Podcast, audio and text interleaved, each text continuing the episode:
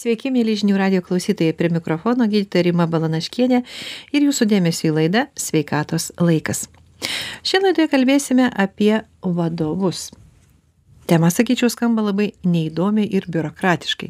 Tačiau, tačiau man norisi kartu su jumis pasidomėti ir sužinoti, kaip ir kodėl skiriasi gydymo įstaigų vadovai nuo įprastos įmonės vadovo, kuo skiriasi vadovavimas vadybininkams ir medikams, bei dar daug įvairių klausimų. Apie tai kalbėsime su mūsų studijos viešne, skausmo gydimo ir stuburo chirurgijos klinikos Agatas vadove, Kauno verslo moterų tinklo vadove Irma Kvedarinė. Labadiena, Irma. Sveiki. Ar visas tavo pareigas išvardėjau, nu, ta prasme, dvi pasakiau? Na, gal užteks šiam kartui. Iš Nes, tiesų, kiek žinau, tai... ta prasme, esi dar daugiau tenai vadovė įstaigų yra dar viena įstaiga tai mano pačios įkurta mažoji bendrija ir buhalterija kuri irgi susijusi su ta vadyba ir su tuo bet ten jau paprasti normalūs žmonės dirba ne? Ne tenais dirbu aš daugiausiai pati ir konsultuoju vėlgi konsultuoju kitų įmonių vadovus. Tai mhm. atsakau ten jiems į jų klausimus užduodamus. Bet daugiau iš ta prasme iš tos na buhalterinės pusės ar iš iš vadybinės pusės? dažniausiai iš vadybinės kaip tik. Ir dar Kam dar vadovauji? Na, tai vadovauju šiai dienai, galima sakyti, ir Lietuvos verslo moterų tinklui, nes esu laikinai einanti pareigas. Tai apart to, kad Kauno verslo moterų tinklo vadovė išrinkta esu, tai dar kol kas ir laikinai einanti Lietuvos verslo moterų tinklo vadovės pareigas. Na reiškia prieš mane sėdi vadovų vadovas. Nežinau ar taip galima garsiai sakyti na bet ačiū rima ačiū rima. Pagal pareigas tai iš tikrųjų vadovų vadovas ir sakyk prašau dabar kadangi tu sakai esi apie verslo moterų tinklą mes pakalbėsime ir ir ir turbūt gal daugiau apie kauno nes čia aš suprantu tu esi laikinai einanti ane nors to kaip sako nieko pastoviau nėra už laikinumą ane tas toks populiarus posakis. Ar pas tave sakykime bičiulių draugų pažįstamų daugiau yra vyriškos giminės ar moteriškos giminės? Oi toks man klausimas aha niekada taip žinai ne ne negalvojau ar ar vyriškos ar moteriškos. Greičiausiai kad buvo etapas kada išties buvo daugiau vyriškos nes mano irgi darbinė karjera prasidėjo tokioj įdomioj vietoj tai metalo pramonės gamybinėj įmonėj. Dvi dvidešims dvidešims metų tai mane supo išties labai vyriškas kolektyvas. Na net ten mūsų moterų buvo labai labai mažai. Tai gal ir iš esmės e, paskatino šiek tiek paieškoti savęs e, moteriškesnėj draugijoj tokioj kompanijoj. Taip aš ir prisisotinai tą vyrišką taip tą vyrišką prisisotinau ir tuomet atėjau ir į verslo moterų tinklą kur kur turbūt e, buvo daugybė moterų jau pradėję rinktis ir burtis. Na o dabartiniam etape greičiausiai tiek mano darbe agate tiek ir verslo moterų tinkle ten išvis e, šimtaprocentinis moterų kolektyvas. Na o agate taip dabar bandau sugalvoti bet ko gero irgi bus e, šešiasdešim procentų moterų o keturiasdešim procentų vyrų. Tai grįžtant prie mano klausimo tai galima sakyt kad dabar tave supa daugiau moteriška daugiau. giminė? Taip. Tai vienareikšmiškai tave ta prasme kadangi supa moteris daugiau tai tu tokią E, kaip pirmenybę ane kaip sako prioritetą ir suteiki šitai giminei ar ne? Ar visiškai negalvoji apie tai? Ne negalvoju. Išties tai sakau turbūt ta pradinė mano patirtis kuri sukosi ilgus metus vyriškoj kompanijoj mane e, man leidžia turbūt nejausti ar ne tos lyties aš taip sakyčiau.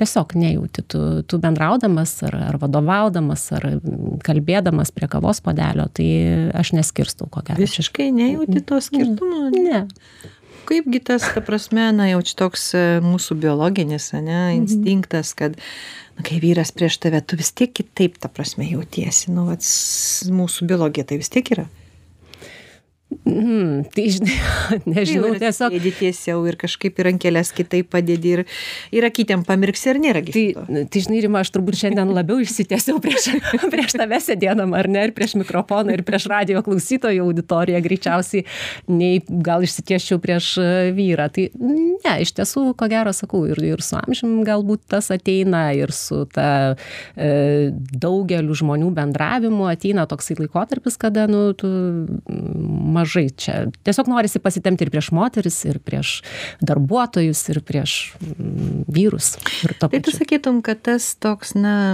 aš sakyčiau šiai dienai yra perdėtas na išskirstymas moterys vyrai jis turbūt yra perdėtas.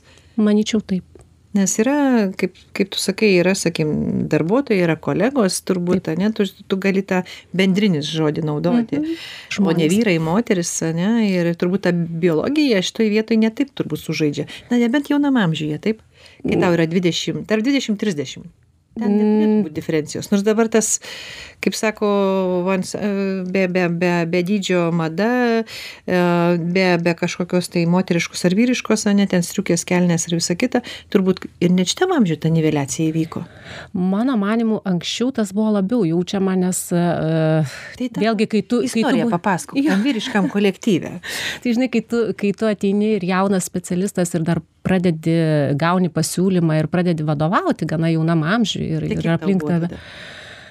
Tada? Na, aš atėjau į tą verslą 1995 metais. Tai vad nuo tada prasidėjo mano Tai čia buvo pirmoji tavo darbovietė? Taip, tai buvo pirmoji darbovietė, kurioje aš dirbau 20 metų ir iš ties e, keitėsi ten mano ir pareigos, ir iki vadovaujamos pozicijos e, komercijos direktorė, aš iš ten išėjau. Tai užaugau iki tiek ir, žodžiu, ten pradžioj turbūt būdavo sudėtingiausia, nes tas požiūris, kada tu esi jaunas vadovas ir dar moteris, na, jisai labai taip, Tai na, dar toks buvo juntamas. tokie jau Taip, toks tiek juntamas buvo iš, iš tų pačių kolegų, ar ne. Bet po to su laiku, kada tu jautiesi tvirtai, tu supranti, ką tu darai, ką tu veiki, ką tu sakai, ar ne, ir net apie tos pačius metalus, jeigu tu jau ten ateini susitinki su tiekėjais arba ne. metalo industrijoj Taip. tai va, tai toks visiškai nemoteriškas dalykas buvo. Bet e, tada, kada tu pradedi jaustis tvirčiau, tada turbūt pradedi ir nebepastebėti tų ar, ar, ar vienokių ar kitokių, ar vyriškų, ar moteriškų kolegų, ar ne, ir tu tiesiog į juos žiūri kaip į žmonės, kaip į darbuotojus, kaip į savo srities profesionalus ir, ir taip toliau. Tai Iš tiesų tokias temas paliečiam, kurios galbūt šiandieną ir tokios yra rezonansinės ir populiarios ir, ir, ir daug apie jas kalbama ir manęs dažnai paklausia, nes irgi tenka mm, įvairiose, sakykim, diskusijose dalyvauti. Ar jūs nejautėte, ypač verslo pradžioj, kai, kai, kaip mes jaunesnės buvo mane, seksualinio priekabiavimo ir taip toliau, ar tu jautėjai? ne. Tikrai ne. Aš nejaučiu. Nu ir aš nejaučiau, nežinau, gal nebuvom trauklios. Gal, gal nelabai prie mūsų niekas neprikabėjo. Nors tik sakyčiau, kad turbūt moteris yra mergina, jin pati tuos signalus duoda ir iššaukia, matyt, kažkokius tai, na. Gal kiekvienoje situacijoje reikėtų žiūrėti, žinai, ne, nežinau, aš, Jeigu aš iš ties Iš ne. medicinės pusės, sakau. Nu, gali būti, gali būti iš medicininės pusės, bet, bet šiaip tai aš ne, negalėčiau sakyti, kad mano ten, žinai, kažkas tai peržengia labai ribas. Žinoma, ten tas uh, Na, flirtas, taip. Tai Taigi malonu, kai komplimentą pasako. be abejo. Tiek, Tikrai tiek taip. mes moteris galim vyram pasakyti, tiek vyrai mums turbūt gali. Turbūt su amžium tai labiau sauliaidi, taip? Tikrai taip. Bet vėlgi čia, na, toks, tai, žinai, jau iš karto perbėgsiu, leisti gali, žinai, bet, aha, kur ta riba, kad paskui kolegos nepagalvotų, kad čia kaip vadovas tu ne, neflirtuoji, o priekabiauji, Taip, kad teisingai. nepereitum prie to. Teisingai, aš daugiau turėjau mintyje, kaip kolegos vienas kitam gali Mhm. pasakyti, kaip vadovas taip teisingai gali kitaip suprasti. Tikrai taip. Iš tiesų, vadovasgi jisai atsiduria į tam tikrą ypatingą būseną. Ir turbūt reikia tą, na, tą laiku suvokti. Nes jeigu, ypač jeigu tu augi savam kolektyve, tu buvai, sakykim, galbūt eilinis tenai vadybininkas, paskui koks skyriaus vadovas jau užaugai, paskui tampi gal padalinio, o jeigu tavo visas mąstymas, mentalitetas palieka kaip buvusio Mhm. kolegos, tai tu tikrai galbūt gali tave jau nebesuprasti.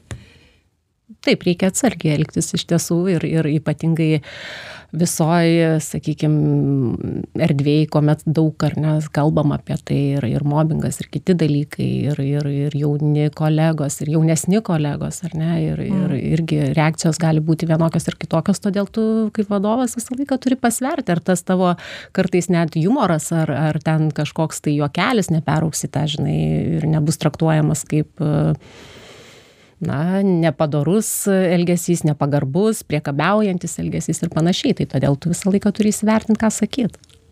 Tu sakai, kad tau tenka ir konsultuoti kitus vadovus. Taip.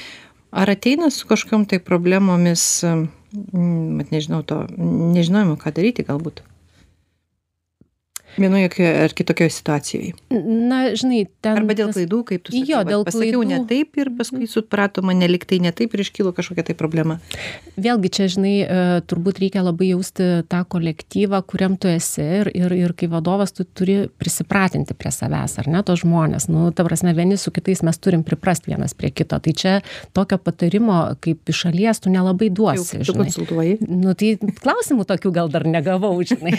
tai va, šitoj vietoje turbūt e, turi jausti ir, ir pripratinti prie savęs to žmonės ir kalbėti su jais kaip kitaip. Ne? Nu, tu turi pažinti vienas kitą, kad to neatsirastų. Ir kuo tu daugiau su tais kolegomis, su tais darbuotojais e, kalbė apie įvairius dalykus, kuo tas bendravimas yra atviresnis, tuo tada mažiau ir kyla tų tokių dviejonių, ar čia yra priekabiavimas, ar čia yra juokas, ar ne. Tai, tai va, tai tas, at, tas atvirumas ir buvimas tokiam, nu, sakykime, santykyje, kur tu gali pasikalbėti ne vien tik tai apie darbus, ar ne, kur tu gali pasikalbėti atvirai ir apie kažkokias tai savo patirtis kitas, ar, ar savaitgalio kažkokius tai potyrius, ar ne, ką tu veikiai ir panašiai. Tai bet tas toksai kolektyvė atsirandantis uh, laisvas priėjimas vienas su kitu pabendravimas, neperžengiant tam tikrų ribų, aš manau, kad tada ir leidžia truputėlį nešti daugiau ir to juodesnio humoriuko tokio, žinai, net, netrodo jisai tai baisiai. Turbūt. Bet vis dėlto, kaip tu ir minėjai, kad šiai dienai tavo pirmenybė bendravimo tai yra moteris daugiau. Nu, taip tiesiog susiklosti. Ir vienas iš jų tai yra verslo moterų tinklas, čia yra prie, prie kybos rūmų, taip. taip. E, pilną pavadinimą galbūt tu pasakysi, tai suprantu, šitam tinkle yra tik moteris. Taip, Kauno verslo moterų tinklas tai yra užuomasga ir visai, liet, visam Lietuvos verslo moterų tinklui susiburti, kur jau dabar penki regionai yra veikiantis tie verslo moterų tinklai.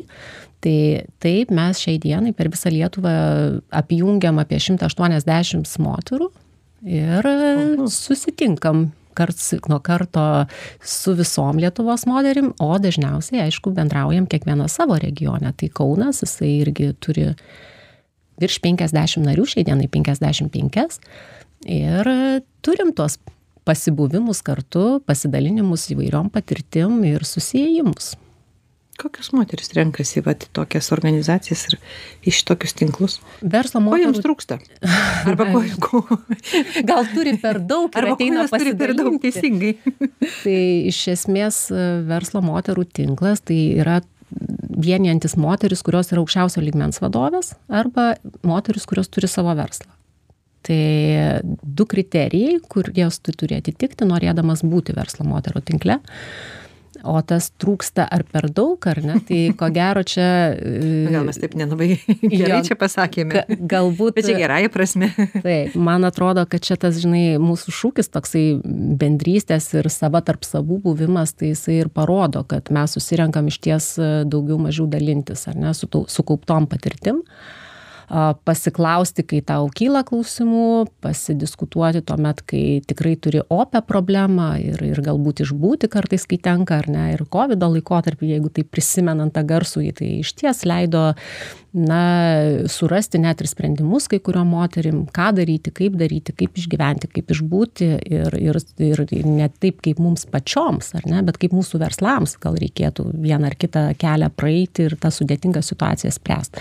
Tai va tai tas buvimas čia kartu tarp tokių bendraminčių ar ne ir ir ir moterų vieni nu turinčių tas savo įmones turinčių aukščiausio lygio vadovų patirčių, ar ne, tai jisai, nu, tikrai reikalingas toks buvimas, nes nes kartais nėra su kuo pasikalbėti, ar ne, darbe, kaip žinia.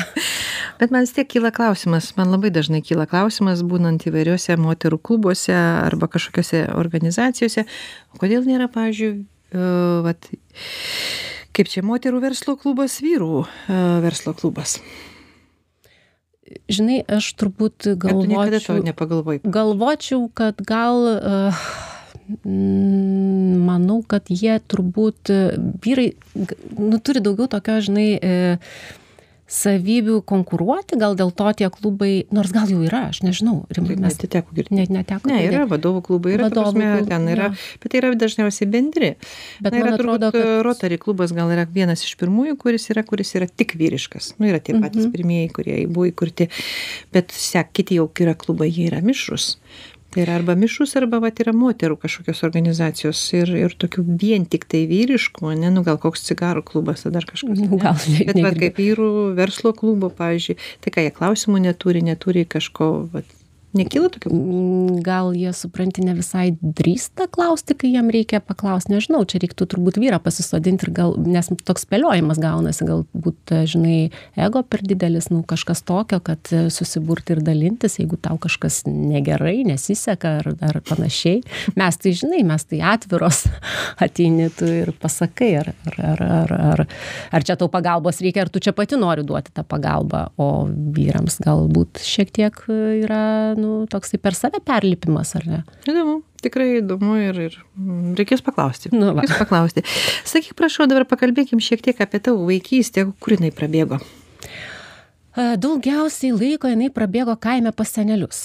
Tai aš, žinai, vat, irgi, jeigu taip kalbant apie ir prisimenant tą savo vaikystę, tai aš ko gero buvau tas vaikas, kuriam leido vadovauti. mhm Tai gal ir užaugau dėl to į tą vadovą. O tavęs supo Nestabdė, daugiau mergaitės berniukai kam tu vadovavai nu kam, kam vyresniems, seneliam, kaimynam, tam prasme, tokiem jau žmonėm, kurie klauso, nes, žinai, vaikam tai, tai ne visi vaikai mėgsta vadovauti, tik tai juos arba apriboja galbūt tie suaugę ir neleidžia tiek pasireikšti, arba ne, tai manęs neribojo. Tai aš e, ten taip jau leidau savo pavadovauti ir gal iš to taip ir užaugau. Bet šalia nebuvo ta prasme ten pusbrolių pusseserių arba brolių sesių Buvo, buvo, ir- amžiaus Buvo ir, ir iš ties po to aš, na, jau kai baigėsi tas amžius, kai, nebereik, kai reikėjo eiti į mokyklą, kai atėjo toks amžius, ar ne, taigi aš grįžau čia ir, ir, ir užaugau ties Kaunu. Tai e, čia mūsų iš vis, nu, buvo laikas, kada mes ištisai buvom laukia, buvom grupėse, buvom tose kolektyvose, ar ne, tai, tai iš ties irgi galvoju, kad gal dažniau berniukų tas didesnis ratas būdavo.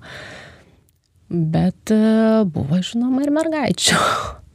tai bet e, lyderis jau ta prasme šitas savybės kaip supratau turėjai nuo pat vaikystės turbūt, kad taip.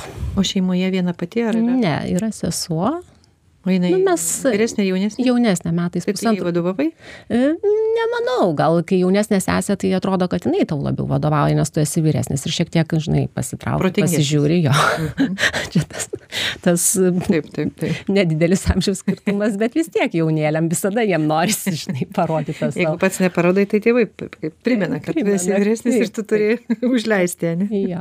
Tai va, tai, vietą. tai mes dviesi augom. mhm draugiškai ir po to, kadangi, sakau, nedidelis skirtumas buvo, tai mes e, tiesiog buvom jau ir kaip draugės, e, paauglystėje, tai ir, ir į filmus kartu, ir į koncertus, ir mūsų draugių bendras ratas buvo. Tai kur pasuko pasuko pasuko kelias po mokyklos po mokyklos e, pasuko kelias į visiškai naują specialybę, tuo metu 91 metais, ar ne, tai buvo technologijos universitete, atsirado naujas fakultetas administravimo, kuris dabar yra ekonomikos. Mhm Na ir ten aš e, baigiau biznio bakalauro studijas. Taip, bizni... per o taip vadinasi biznio tada Taip, biznio administravimas. Dabar jau verslo, Taip, dabar yra verslo, Tuo metu biznio. mano dar diplomė, taip, užrašinė, ta prasme, bakalauro diplomė. tikrai Tai biznio administravimas mano Biznio specialybė. administravimas. Mhm. Bet administravimo žodis dažnai daugam siejasi su administratorė. Na, mūsų e, dekanė, pradedant nuo jos, ar ne, gerbiam Baršauskenė tuometė ir, ir visi e, kiti žmonės, kurie dėstytojai, kurie mus ten ruošė, mokė, ar ne, jie visą laiką sakydavo, jau kas, kas jūs būsit, bet, nu, greičiausiai tai vadovai arba vadovų tos dešiniosios rankos, arba kitaip tariant, kaklai. Tai, va, tai ruošia su tokia mintim, kad, na, nebus funkcija tik tai atnešti kavą su visa pagarba administratoriams. Bet- ta prasme, tai kaip tada biznio arba verslo administravimas, tai iš tikrųjų gali taip skambėti kaip administratorė. Mhm. Arba, Tai daugiau buvo merginos, mergaitės, ta prasme, mergaitės ar vaikinai. E, Tuo metu mes grupiai buvom visiškai merginos vienos. Tik tai. Taip. Nieko savo. Po to jau pradėjo. Vadovės būti. Nu, nežinau, ko mes ten ruošiamės būti, gal kai kurios mamom dar ruošiamės būti, dar kitus etapus praeiti, ar ne, turbūt negalvom iš karto studijuodamos, kad e, iš vis tas laikas toks permainų buvo metas, kada sunku buvo galvoti, ką tu ten darysi ir kuo tu ten būsi, nes e, viskas keitėsi iš esmės. Dingo visi paskirimai įmanomi ir kiti dalykai, tai, tai va, tai teko, teko baigus galvoti, ką tu veiksi ir ką tu dirbsi. Tai gal nelabai ir svarstėm, kad mes čia visos vadovėm tapsim, bet po to matomai taip dėliojasi tas kelias, kad e, išlenda kažkur, ar ne, ar čia iš tos vaikystės išlenda, ar čia iš tos jaunystės, ar, ar, ar galų galia jau pabaigus mokslus išlenda po to, ką tu įgyjai, tas žinias, kokias jo. Kokias. Ir tu jau tada baigusi, suprantu, magistrą, taip? Ne, aš bakalauro. Po bakalauro, ne, į tą vyrišką kolektyvą, taip? Taip, nuo tų 95 iki 2015 tai va tai ten įvairūs etapai buvo nes aš labai džiaugiuosi kad vadovybė tuo metu matyt matė ir ir ir ir dėjo ir davė tų pareigų įvairių. Tai va tai teko augti tame kolektyve ir ir ir tiesiog lipti lipti tais laipteliais ir ir po to paskut paskutiniuosius septynerius metus aš vadovavau komercijos tapau komercijos direktore ar ne ir ir tie skyriai kurie buvo galima sakyti mano pavaldume tai buvo ir pardavimai ir pirkimai ir transportas ir sandėliavimas ir gamybos planavimas biudžetų sudarymas tai ta prasme toks nemenkas. Tikras verslo administravimas arba biznio administravimas kaip sakai. gerai dabar trumpam stabtelkime susitiksime po trumpos pertraukos likite su žinių radiju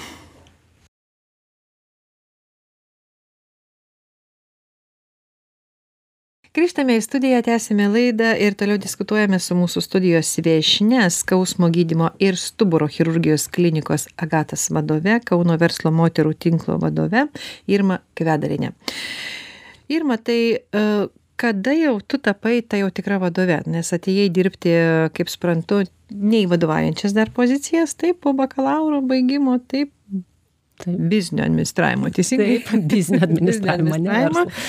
O kada jau tapai ta jau vadove ir kiek tau tada metų buvo? Jeigu prisipažinsi, nes tu gerai atsimeni metus, bet savo metų ne. savo neatsimenu, aš, visom, aš visuomet sakau kelintais gimus.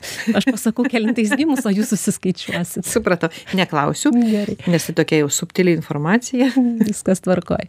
Tai iš ties... Mm, taip galvoju dabar žinai mano tas e, vadovė aš e, tapau apskaitos grupės vadove po to vyr finansininkė tai irgi du skyriai buvo po manim ir ir tas komercijos. Tai tapau ganėtinai anksti turbūt e, po penkių metų darbo tenais tai apie du tūkstantuosius metus tai man buvo nelabai dar daug tų metų čia dvidešim aštuoni kokie tuo metu tai dar trisdešim nesulaukus jau jau turėjau tuos skyrius ir tuos žmones su kuriais teko darbuotis kaip vadovui. Na ir irgi galiu pasakyt nelabai buvo lengva nes na vėlgi tas požiūris ypatingai vyresnių žmonių jisai buvo toksai kad jauna ką čia gali ką čia pasakys ar čia reikia klausyti o gal ne visą laiką na tai vat. Kas yra sudėtingiausia vadovui? Vat dabar kaip tu pasakytum? Pačioj pradžioj pati pradžia. Mhm, apie pačioj- bra, bra, brandų jau vadovą mes dar pakalbėsim bet vat pačioj pradžioj ir galbūt kaip save pasaugoti ane kaip save patausoti. Jau dabar einam prie truputėlį prie sveikatos temos ane ir pradėkime nuo savo sveikatos.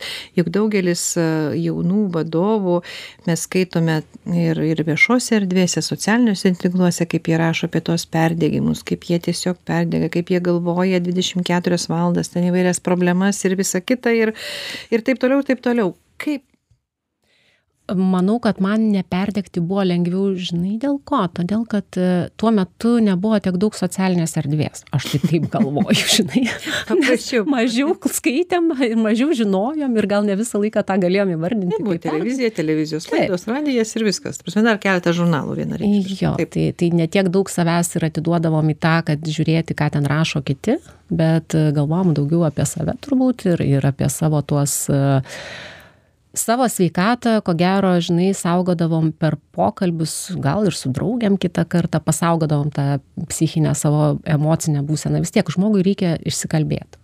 Kaip ten bebūtų, manau, kad reikia išsikalbėti. Tai ar ne? Ir toks- daro jauni žmonės dabar, kad dabar kiekvienas jaunas žmogus kaip sako save gerbiantis kiekvienas turi savo psichologą. Ar tai tie teisinga?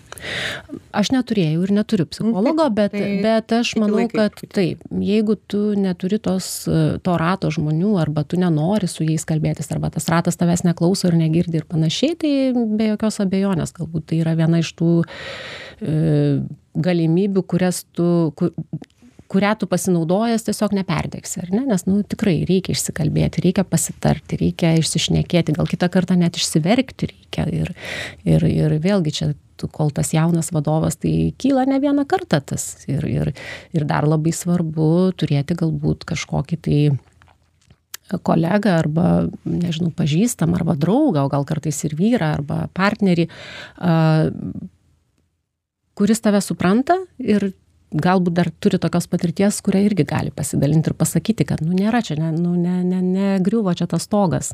Kaip atrodo jaunam dažnai ar ne kad nu tikrai viskas jau čia viskas griūva. Nu ne negriūva palauk viskas čia susistovės ir tiesiog pasižiūrėk kitom akim iš ryto ir priimk tuos sprendimus nes na turbūt jauni mes kol būnam dažnai išpučiam tas vienokias ar kitokias bėdeles padarom didelėm bėdom. Tai vat to turbūt reikia išlaukti ar ne išmokti. Ir ir tada su amžium su patirtim ateina tas žiūrėjimas jau kitaip. Į tą mažą problemą gali žiūrėti tiesiog paprasčiau. Tu manai kad e, kiekvienas vadovas e, ypatingai jaunesnis turi turėti žmogų su kuriuo jis galėtų išsikalbėti man tai buvo spręsti svarbu. problemas sakykim jam iškilusias ir tai padeda tausoti jo na pavadinkime emocinę ir psichinę sveikatą. Taip. Man tai buvo svarbu. Gerai bet jeigu jisai yra poroje e, su draugu ar drauge arba su vyru ar žmona bet e, tas kitas asmuo nors jų gali santykiai būti labai ger geri jis sako atleisk aš pats tiek ar pati pavargstu darbe kad dar aš tavo gyvenimą gyventi ir tavo problemas. Sako atleisk bet aš jų nenoriu girdėt na vėlgi mes turbūt pasirenkam šitoj vietoj ar ne apie ką šnekėsim pasitariam ir jeigu tikrai poroje ar ne tas e, nepriimtina susitari kad na netinka negali tu ant manęs čia sukrauti savo tų problemų taigi yra rasti galim kur nueiti ar ne tos pačios verslo moterys kaip šnekėjau ar ne kur minėjau. Tai irgi yra viena iš tų terpių ir plotmių kur tu gali pabūti kažkurį tai laiką ir atsikvėpuot. Kitas dalykas na turbūt labai svarbu turėti ir ir draugių ir draugų su kuriais tu gali pasidalinti. Tai Arba galbūt tai psichologas, arba taip, taip, psichologas be jokios abejonės. Tai vėlgi vat nu pasirinkimas turbūt e, yra. Tik reikia jo Tas- ieškot neužsidaryti savyje man. tas vat kaip tavo pasakymas kad svarbiausia yra tas na paleisti tas problemas neužsidaryti taip? Čia būtų vienas iš tokių patarimų kad vadovui nepradėtų šlubuoti sveikata. Tikrai. čia jaunesniam amžiui taip na ir vyresniam bet jau mes vyresniam dažnai išmokstam kad nu tikrai kas iš to kad tu laikysi na bet toksai sakykime tipinis e, vaizdas iš iš filmų ypatingai ne yra susidaręs kada e, vyresnis vadovas e, susinervinęs ane griebiasi už širdies nes jam įvyksta infarktas taip arba insultas jis labai labai kažkokią tai turėjo konfliktinę situaciją jis labai pergyveno. Kaip tam tokiam jau brandesniam amžiuje kaip išlaviruoti na kas tolerancija gi mažėja vyresniame amžiuje. Na, šiek tiek brandžiame. Aš kalbu tarp 50-60, sakykim. Bet atsiranda ir tas sugebėjimas save suvaldyti. Na, aišku, tu tada kaupi, ar ne, turbūt daugiau mm, Kodėl, sukaupi. sakykim, ištinka tos tokios, na, visiškai, sakykim, stichinės lygos. Mm, Aš tai vis tikiuosi, kad man gal taip nenutiks. Nors Mes kalbam apskritai apie, apie vadovus ir jų sveikatą. E, Aš galvoju, kad mm, tai mano manimu e, svarbu labai išsikalbėti ir neužsidaryti savį ir nelaikyti. Ir jeigu tu turi kolektyvą e, ir jame tą gerą sveiką santykį, ar ne, tu tikrai gali ir kaip vadovas išsikalbėti, kad nebūtų tų tokių didelių problemų, kad su, su jom tu negyventum, kad nesineštum namo. Tai vat e, šitas suradimas tokio, ar ne, to, to rato aplink save, to darbuotojų rato, to komandos rato tokio, kuriame, kuriame tu gali pasakyti ir kas yra sunku ir iš kur tai atsiranda, ar ne, kaip vadovui, tai vis tiek turbūt kolektyvas turi žinoti, ar ne, kas yra tos bėdos. Tai nė- nėra vien tik tai vadovo problema, jeigu yra kažkas tai įmonėje ne taip. Tai mano manimu turbūt iš, iki galo išsišnekėti, nešūkaujant, neužsidarant, neužtylant, nemėtant, bet tiesiog ramus, konstruktyvus pokalbis, dialogas su kolektyvu. Tai patarimas, kurį aš išgirdau ir manau radio klausytojai išgirdo, tai yra nelaikykime savyje, taip, nes mes galime susprokti. Taip ir mūsų susproks emocinė sveikata, psichi, psichinė sveikata, psichologinė sveikata ir jinai prives be abejo prie tokių, na, sakyčiau, ne visai gerų išeičių. Na, e, dabar pakalbėkime jau apie kitą gyvenimo etapą, kada tu pradėjai vadovauti mediciniai įstaigai sveikatos priežiūros, ar ne? Sveikatos priežiūros, taip, sveikatos priežiūros įstaigai. Tai buvo iš karto po to vyriško kolektyvo, toks tavo šuolis į visiškai taip, kitokį. 2015 į odontologijos sektorių ir... Kaip, kaip čia tas toksai, na, posūkis įvyko? Na, šalia manęs visą laiką buvo ir skaičiai, ar ne? Aš turėjau tą fina, finansus, finansus, finansus ir man visą laiką mano meilė buvo skaičiai, man labai patiko jie. Tai aš ir tą vyr finansininkę padirbus, tai man pasiūlymas į odontologiją buvo atėjęs ateiti kaip vyr finansininkei išleisti tuometę finansininkę į motinystės atostogas. Nu, žodžiu, toks netyčia laikinas darbas, taip? Taip, tai, tai kadangi tuo metu jau keitėsi profilis ar anos įmonės ir jie perėjo prie patalpų nuomos, tai žodžiu, man buvo pats tas laikas ir, ir metas turbūt kažkur tai kitur. Na ir tas pasiūlymas gautas, jisai, sakau, gerai, pailsėsiu. Dar aš kaip tuomet pamenu, sakau, gerai, ateinu iš komercijos į finansus ir pailsėsiu. tai va, tai pradėjau finansininkės darbą tenais ir tuomet metams laiko praėjus gavau pasiūlymą tapti aukščiausio lygmens vadove, direktorė tos įmonės ir paauginti ją. Ar galvojai prieš sutikdama? Paprašiau savaitgalio. Paprašiau savaitgalio. Taip. Čia taip, ta prasme, dėl tos, kaip sako, gero tono, ar iš tikrųjų norėjai pagalvoti? Ne, iš tiesų norėjau pagalvoti, norėjau šiek tiek ir, ir pasidėlioti mintis ir, ir galų gale pasakyti, ką aš galėčiau veikti, ar ne, vis tiek šiokią tokią strategiją tu turi permastyti savyje ir, ir, ir pasiūlyti akcininkui, ar ne, ką, ką tu galėsi, ką tu darysi ir kaip tu matai, ką tu gali padaryti tai aš ją pasirengiau, pasidėliojau, na ir, ir priemiau tą sprendimą. Aišku, kad labai ilgai galvočiau, taip nebuvo. Meluočiau, jeigu sakyčiau, kad labai labai labai ilgai galvojau, ne, bet, bet permaščiau. Permaščiau tam tikrus dalykus ir, ir maniau, kad man iš ties įdomu ir aš turiu ką nuveikti ir galiu veikti. Ar pasiekė gyventi tuos tikslus, kuriuos pati savo išsikėliai? Kažkada tai, tapdama šios odontologinės klinikos taip vadovė. Taip. Padarėjai. Taip. O paskui peršokai jau į kitą medicinę, ta prasme, įstaigą, nu irgi sveikatos priežiūros, reiktų turbūt taip. sakyti, ne? Sveikatos taip. priežiūros. Taip, tai iš... vėl į kitą sektorių. Taip, dabartinis sektorius yra skausmo gydimas ir stuburo chirurgija ir visa tai, kas susijęs su skausmu, tai, tai klinikos agatas vadovė esu. Uh, ir čia vėlgi yra nauji nauji tikslai nauji iššūkiai ir ir ir po septynių metų praleistų anam darbe vėl prasideda naujas etapas. Kiek šičia galvojai prieš tapdama vadove čia jau nebuvo to tarpinio etapo ateiti finansininkė ir tapti po to vadovė tapti čia jau iš karto ta prasme jau vadovė. Pagalvojau šiek tiek atsikvėpiau pailsėjau po anų darbų ir ir vėlgi na pasidėlioji sau mintyse ar ar tu kažką gali nuveikti ar ne be jokios abejonės. Ir ir tas mano kaip jau minėjau analizė ir mano anas verslas ane man irgi čia padėjo tokį žingsnį pirmą padaryti. Aš pasidariau tą inventorizaciją verslo kas yra kaip yra dabar ar ne kaip nors mes kalbam apie sveikatos priežiūros sektorių, bet aš vis tiek turiu sakyti kaip vadovas, kad tai yra verslas, taip, tai yra privatus taip, verslas, taip, ar ne?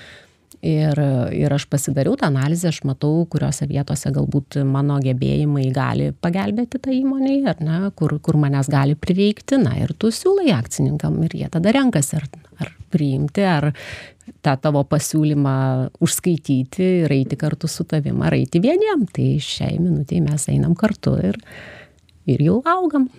Tai principė turi patirti vadovavimui, sakykime, įprastos, paprastos įmonės, normalios, ne, ne medicinės, ne, ne sveikatos priežiūros, ne, e, turi odontologinės ir turi dabar jau skausmo, taip, mhm. skausmo klinikos.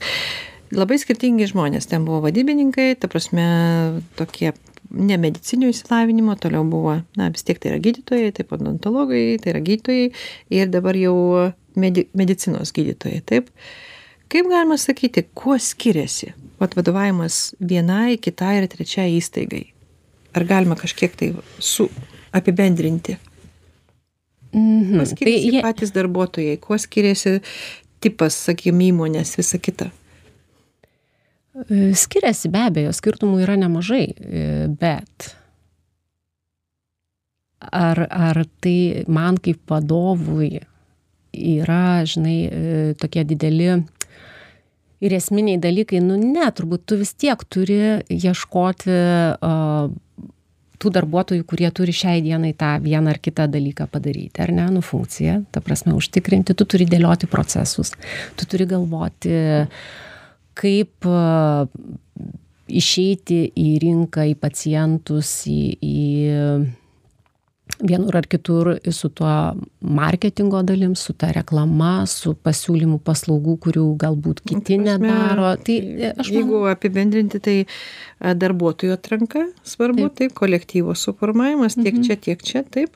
Kitas dalykas tai yra klientų pritraukimas, taip, kaip aš suprantu, taip. tai irgi kaip ir vadovo kompetencijai bet šičia ta prasme klientai tai yra labai skirtingi. Be jokios abejonės ten yra prekės čia yra paslaugos čia vėlgi čia žinai galbūt ir nepaprastos paslaugos. Tai yra vis tiek kas susiję su sveikata mes gi labai jautriai žiūrime į šitus dalykus. Tai vat ir čia dar atsiranda dar vienas dalykas nes tu esi tam sektoriuj sveikatos priežiūros sektoriuj kuriame e, konkurencija atsiranda su valstybe.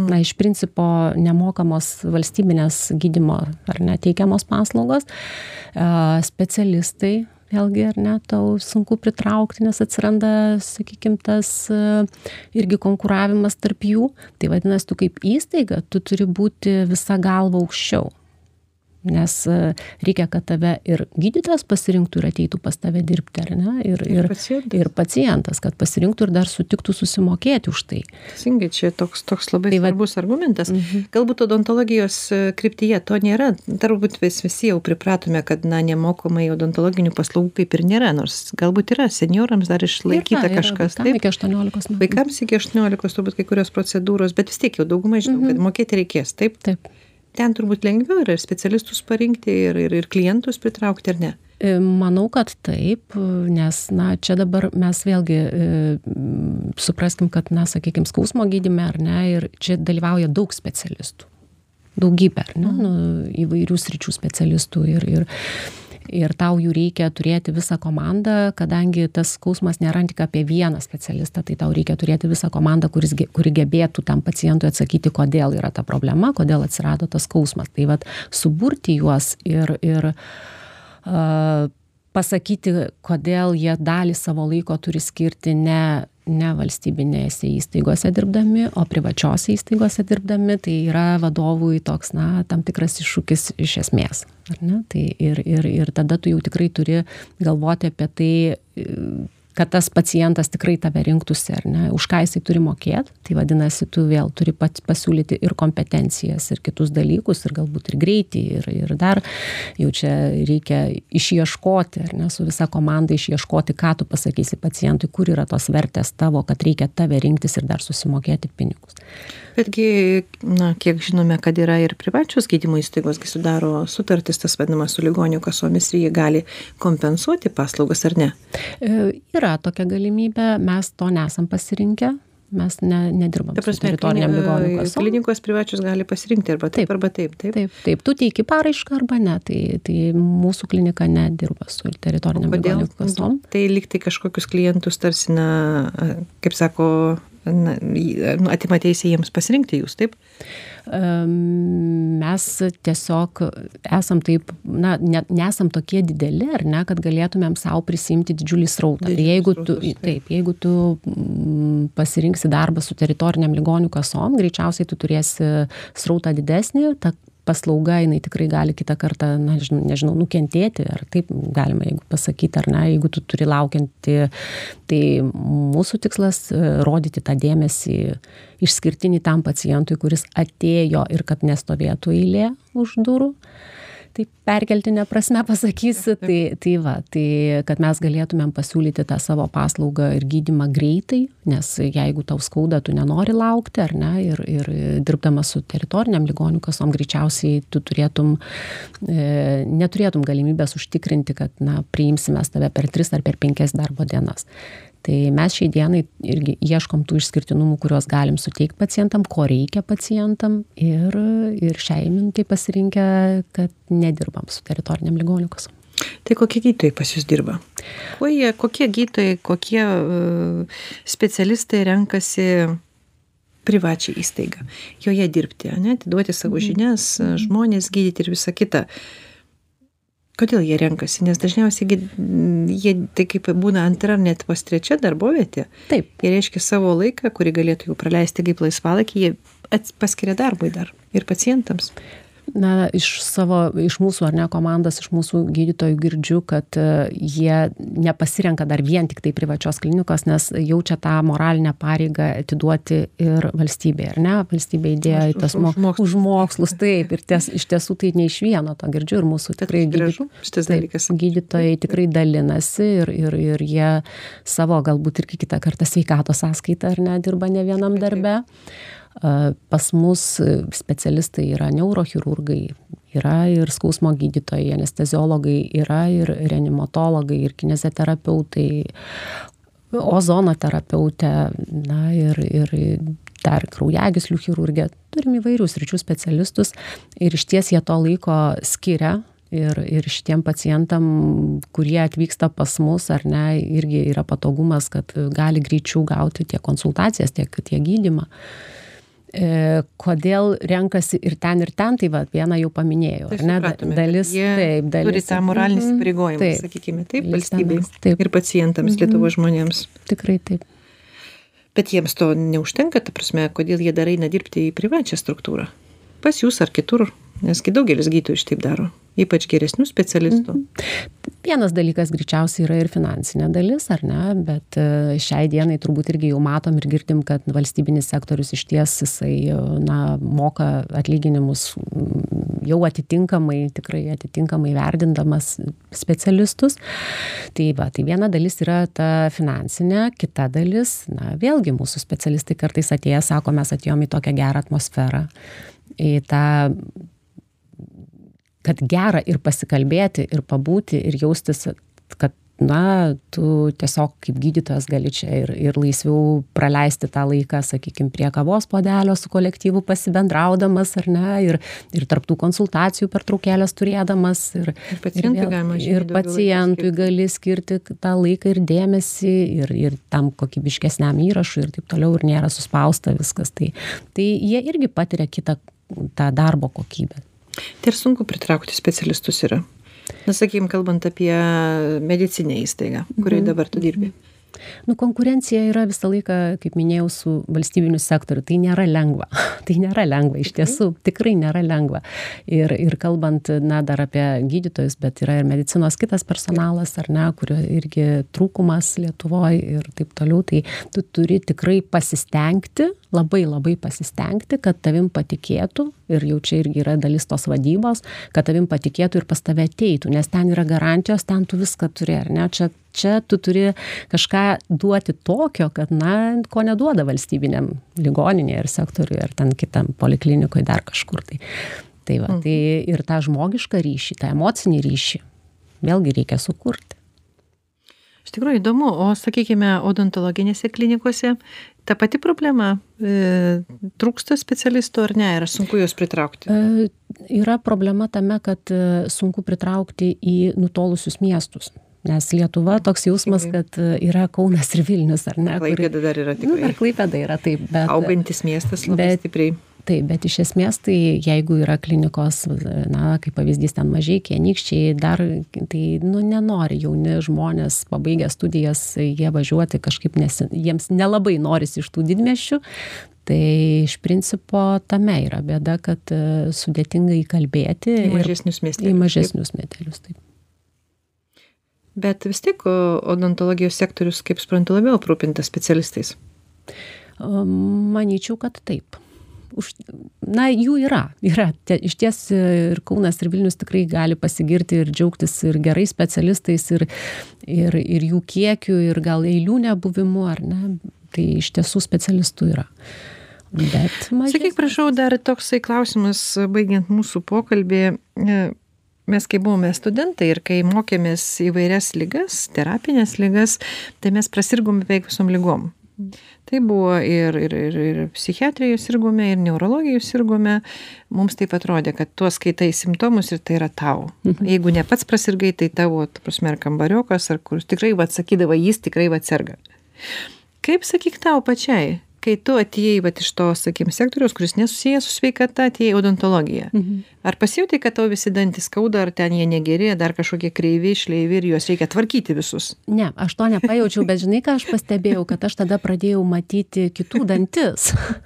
Va čia yra tas turbūt ar ne kad kad tu tiesiog anksčiau nepastebėdavai o o tuo metu tu kad žmonės dantis turi taip tu pradėjai pradėjai juos matyti ir žiūrėti. Tai tai tas tikrai atsirado aš tokį jaučiau o pati su savim? O pati nu tai atėjo laikas ir susitvarkiau. Bet ta prasme tai buvo vis tiek padidintas dėmesys turbūt į tą tą sritį. Taip pačiai. taip taip taip turbūt nori nenori tas ta prasme ateina taip? Tenka nes na vienas dalykas tu turi ir vis tiek šiek tiek kad ir tu vadovas būni bet tu turi įsigilinti įsigilinti ir ir šiek tiek daugiau suprasti. Na ir kai tu skaitai va kai tu sakai ar ne kai tu pabandai suprasti kokią čia procedūrą jo kokią čia procedūrą daro kaip čia daro kas vyksta tai be abejo kad nu pagalvoji ir apie tuos savuosius žinai. Tai dabar o dabartiniam darbe? Kur tokia pakankamai specifinė? Stuburo chirurgija skausmas ta prasme o čia? O dabartiniam darbe aš visai neseniai sakiau kolegoms kad greičiausiai jūs mane atleisit nes nu man dar nieko neskauda. Tai nes išties nu kažkaip turi turbūt per save pajusti. Stuburas sveikas. Na, sveikas, taip. Ir, ir buvau va, visiškai neseniai pas kineziterapeutą, nes niekada nebuvau buvus ir gavau iš kolegų dovanų gimtadienio progą. Tai nuėjau pas kineziterapeutą, kad ištestuotų individualiai ir man mankštos planą sudarytų ir sakė, kad viskas gerai su mano stuburu. Fantastika. Ir matai, aš tau ir linkiu, kad e, ir mano, ir visų klausytojų vardu, kad tau niekas niekada neskaudėtų. Ačiū. Svarbiausia, kad sielos neskaudėtų, nes tai yra pats sunkiausias skausmas fizinį skausmą lengviau numalšinti yra ir specialistai tą puikiai padaro, kad dantis niekada neskaudėtų. Ačiū. Mas irgi nemalonus skausmas. Prižiūrim, stengiamės prižiūrėti. Ir kad e, iš tikrųjų visiems vadovams, tiek vyrams, tiek moteriams, nepriklausomai niekas niekada neskaudėtų ir kad jie būtų sveikai. Ačiū tau už pokalbį, o klausytojams primenu, kad šiandien diskutavome su studijos viešne skausmo gydimo ir stuburo chirurgijos klinikos Agatas vadove, Kauno verslo moterų tinklo vadove Irma Kvedarinė. Primenu, kad visų laidų įrašus galima rasti žinių radio interneto svetainėje ziniųradijas.lt. Atsveikinu linkėdama geros sveikatos bei turėti savo darbe ar įstaigoje gerą vadovą. Likite sveiki.